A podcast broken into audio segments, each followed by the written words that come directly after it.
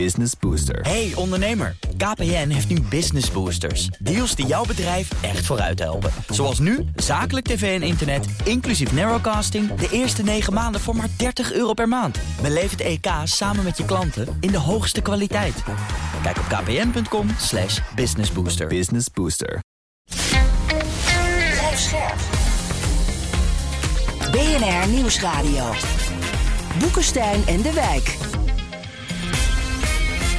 Hugo Reitsma. Dit is een extra uitzending van Boekenstein en de Wijk in verband met de oorlog in Oekraïne en de crisis met Rusland. Het is woensdag, dag 301 van de invasie.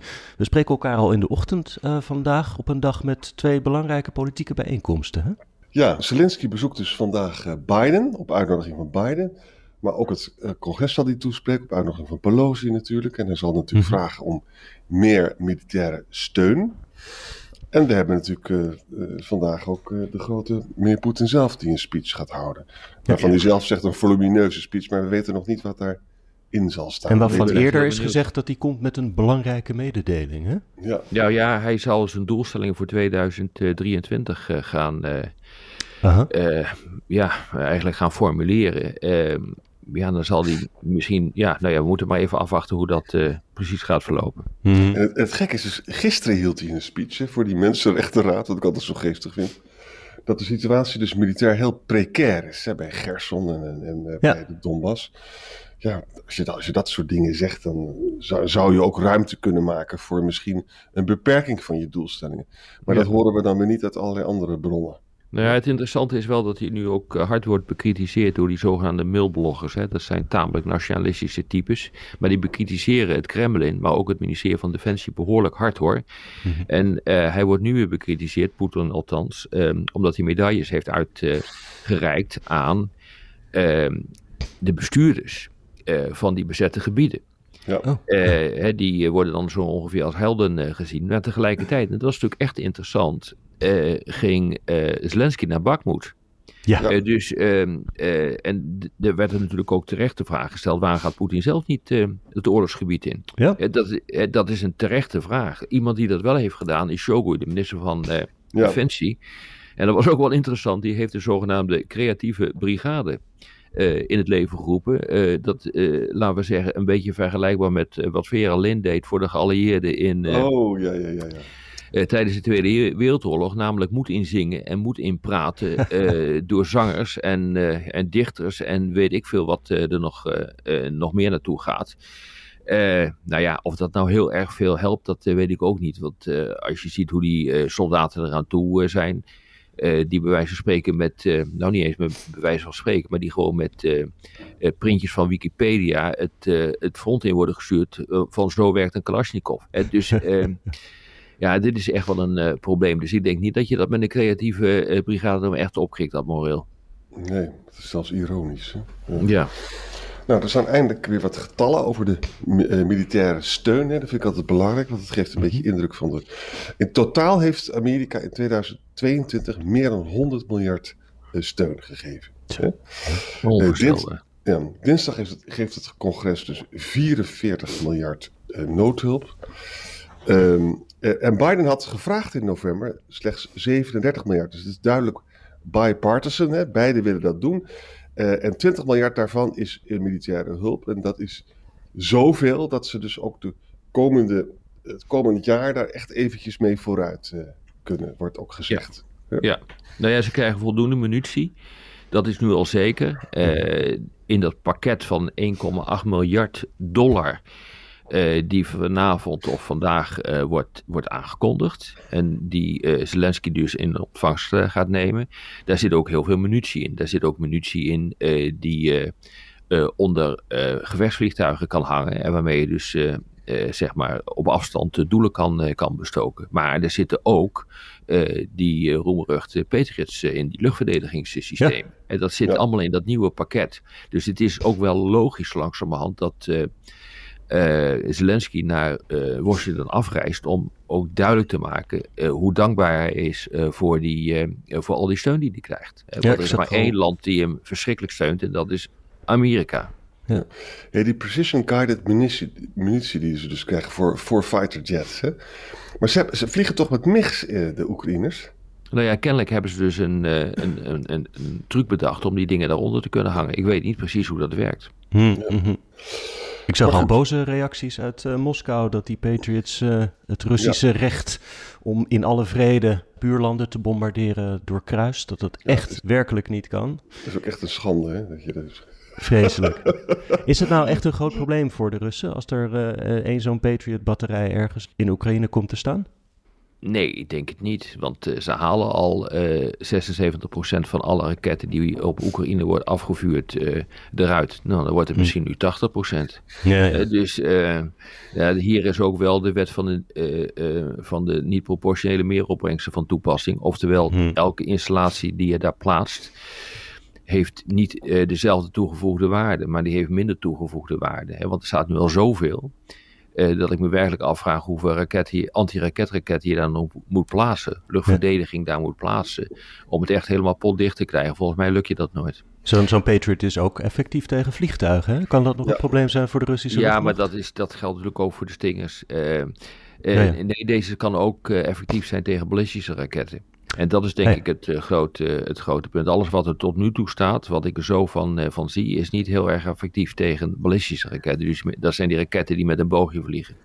Ja, en het gaat natuurlijk ook om dat je die, die stroomuitschakeling wil uh, voorkomen. Hè? Eindelijk ook cijfers over 10 miljoen van de Oekraïners zitten zonder stroom. Dat is 20% van de vooroorlogse bevolking. Dus meer, een hoger percentage van de huidige bevolking. Dan zijn natuurlijk anderhalf miljoen mensen gevlucht, geloof ik. Hè? Ja, meer. Uh, ja. Meer misschien wel, hè.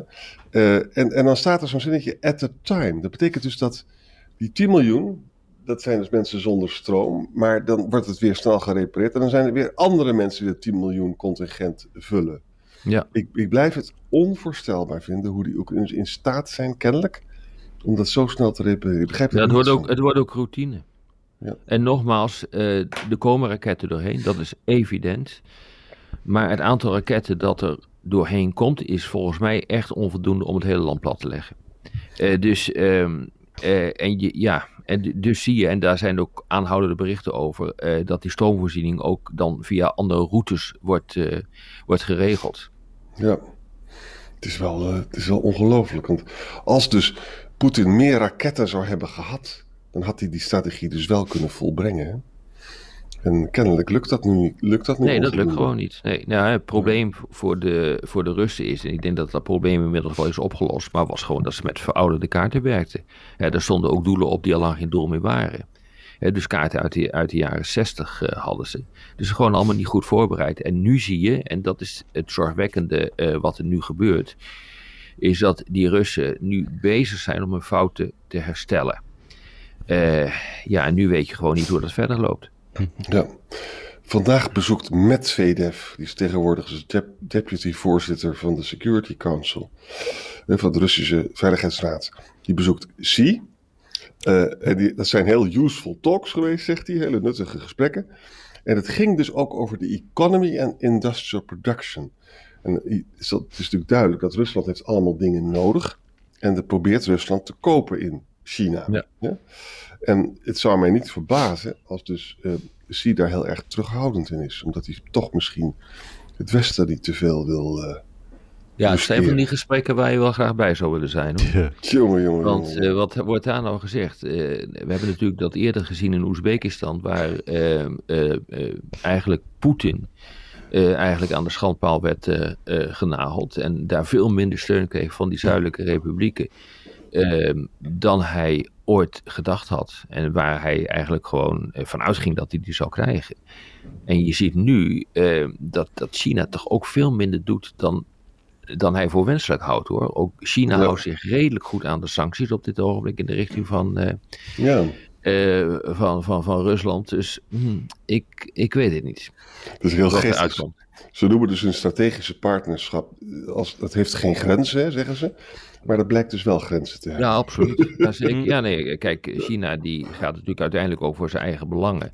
En ik denk, het kan bijna niet anders. Hè. Um, ik denk dat uh, Poetin aan de vooravond van de Olympische Spelen.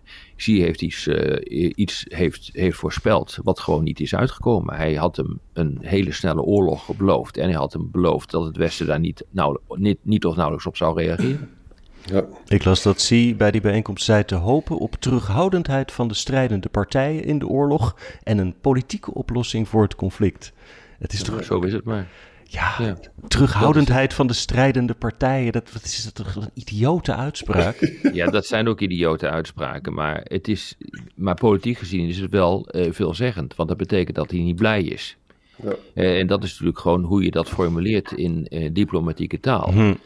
Eh, dus dan krijg je dit soort, eh, dit soort rare zinsconstructies. Maar het, het betekent gewoon, Poetin, hou hier even mee op. Eh, Ja. Wees een Hm. beetje, doe rustig aan, want dit vinden wij gewoon niet gezellig wat hier gebeurt. En dat zegt Xi ja, eigenlijk al maanden. Hè? Ja, zeker. Hij is daar redelijk duidelijk in. En kijk, op het moment dat zo'n leider zoals ik zie eh, niet zo'n volledige steun uitspreekt, dat is gewoon direct al foute boel eh, voor Poetin. Dat is Exact. direct al een enorm signaal. En ik denk dus echt, jongens, dat Medvedev met lege handen terugkomt vandaag. eh, uit Ja, ik denk het ook. Ja, dat denk ik ook. Ja. Die kans is vrij groot. En, en, en dan eh, heel misschien eh, zal dat ook nog van invloed zijn op de speech van Poetin. Of hij gaat gewoon kei en keihard door. Of we gaan vandaag meemaken dat hij zich gaat matigen. Nou, dat, dat lijkt me niet. Dat is niet iets wat in het verschiet ligt. Eh, nou ja, eh, laten we er niet op gokken wat er, eh, wat er uitkomt. Laten we eens gewoon kijken of het past in het beeld dat we de afgelopen weken hebben geschetst, geschetst van wat er aan de hand is op dit ogenblik. Dus de retoriek is niet verminderd de afgelopen weken. De, de doelstellingen zijn nog even maximaal als ze waren. Eh, we, we, we zien nu dat er een verschuiving is in het front, eh, waarbij de nadruk voor Rusland althans komt te liggen op eh, de verovering van de Donbass. En er wordt gevreesd dat er een nieuw offensief aan zit te komen in de richting van Kiev. Nou, laten we, eens- laten we eens kijken hè, wat er van dat beeld dat door de Russen is geschapen, maar ook door de Oekraïners is geschapen, wat daarvan overeind blijft in die speech van, eh, van Poetin. Dat lijkt me het, het meest interessante op dit ogenblik. Ja. Ja. Maar goed, elke, stel je voor dat hij zou aankondigen dat hij ook nog Kiev wil veroveren. A is de vraag of hij dat überhaupt aankondigt. En B, hij kan dat gewoon niet doen. Hè. 15.000 Russische soldaten in Wit-Rusland. Er zijn 30.000 Wit-Russische krijgsmacht die helemaal niet sterk is. Als Ja, maar daar moet, 100 je naar, daar moet je niet naar kijken, Arend Jan. Je moet kijken naar wat er op dit ogenblik echt goed getraind wordt. Althans, dat is wat er gezegd wordt en dat is wat we ook denken. Dus er zijn eh, 300.000 eh, eh, militairen die zijn eh, gemobiliseerd een, eh, een tijdje geleden. Daarvan zijn er pakweg 100.000 ingezet. Dat is dat kanonnenvlees eh, onder andere in Bakmoed.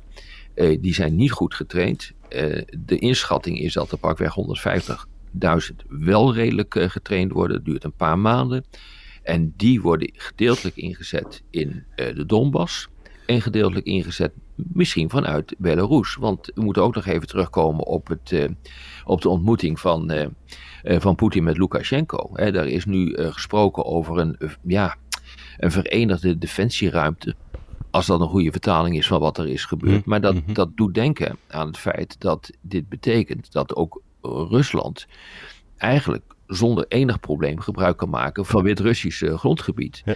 Misschien ook wel om van daaruit een eh, invasie uit te voeren in de richting eh, van Kiev. Ja, overigens melden Oekraïense media op grond van Belarussische hackers dat het Russische leger zou zijn begonnen met het verplaatsen van troepen en materieel naar de grens tussen Belarus en Oekraïne. Dat Ja, zou exact. ook te maken kunnen hebben met die aangekondigde oefening, maar Ja. het is dus een, wel een grotere dreiging aan het worden. Ja, ja, ja, ja, maar oefeningen die gaan meestal een, eh, aan een invasie vooraf.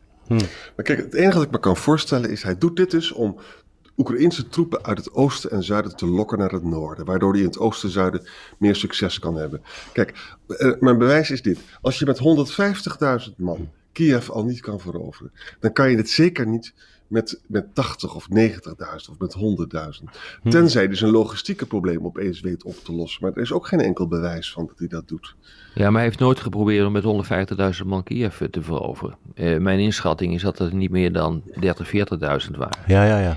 En, en eh, er waren totaal 150.000 troepen om de hele invasie uit te, te voeren. Daar heb je gelijk in. Ja. Eh, dus ehm, ik weet het niet. Maar goed, ook die aantallen, weet je, eh, die ik nu zeg, eh, daar moet je ook een slag mee om de arm houden. Want er waren dus ook troepen eh, die vanuit eh, de Krim zijn opgerucht in de richting van, eh, Nou, Gerson. De, van Gerson. Maar ook, die zijn ook rechtsaf gegaan in de richting van, uh, van Mariupol. Uh, en hoeveel dat er waren, dat weten we ook niet precies. Ik heb dat proberen uit te zoeken en dat, dat, daar zijn geen openbare harde gegevens van. Hm. Rob, jij had nog iets anders over China, zei je vooraf. Ja, nou volgens mij was er ook nog een oefening, maar daar weet uh, Arjan wat meer van af. Ja, een maritieme hm? oefening uh, van Rusland en China voor die kust van die beroemde Zhejiang-provincie. Ja, hier zie je dus wel hè, dat dat strategische partnerschip, dat hebben ze al een paar keer hebben ze dat gedaan. Er ja. wordt daar wel invulling gegeven. Dat komt natuurlijk ook uh, China heel goed uit. Nou ja, ja. we hebben het dus over die nieuwe wereldorde de hele tijd. Maar wat er dus nu gebeurt binnen de Europese Unie uh, past daar volstrekt in. En dat heeft alles te maken met China. En jullie weten nog dat uh, China begonnen is met het zogenaamde Belt and Road initiatief. Hè. Dat zijn die mm-hmm. nieuwe zijderoutes, dat zijn handelsroutes. waarbij je probeert niet alleen handel te drijven, maar ook landen politiek van je afhankelijk te maken. En mm. uh, dat kan bijvoorbeeld door investeringen te doen in die landen, in infrastructuur. Waar wij, ZTE, dat soort bedrijven zijn volop actief, bijvoorbeeld in Afrika. Ja. Steeds minder overigens in Europa, omdat hier enorme terugduwbewegingen uh, uh, plaatsvinden. Ja.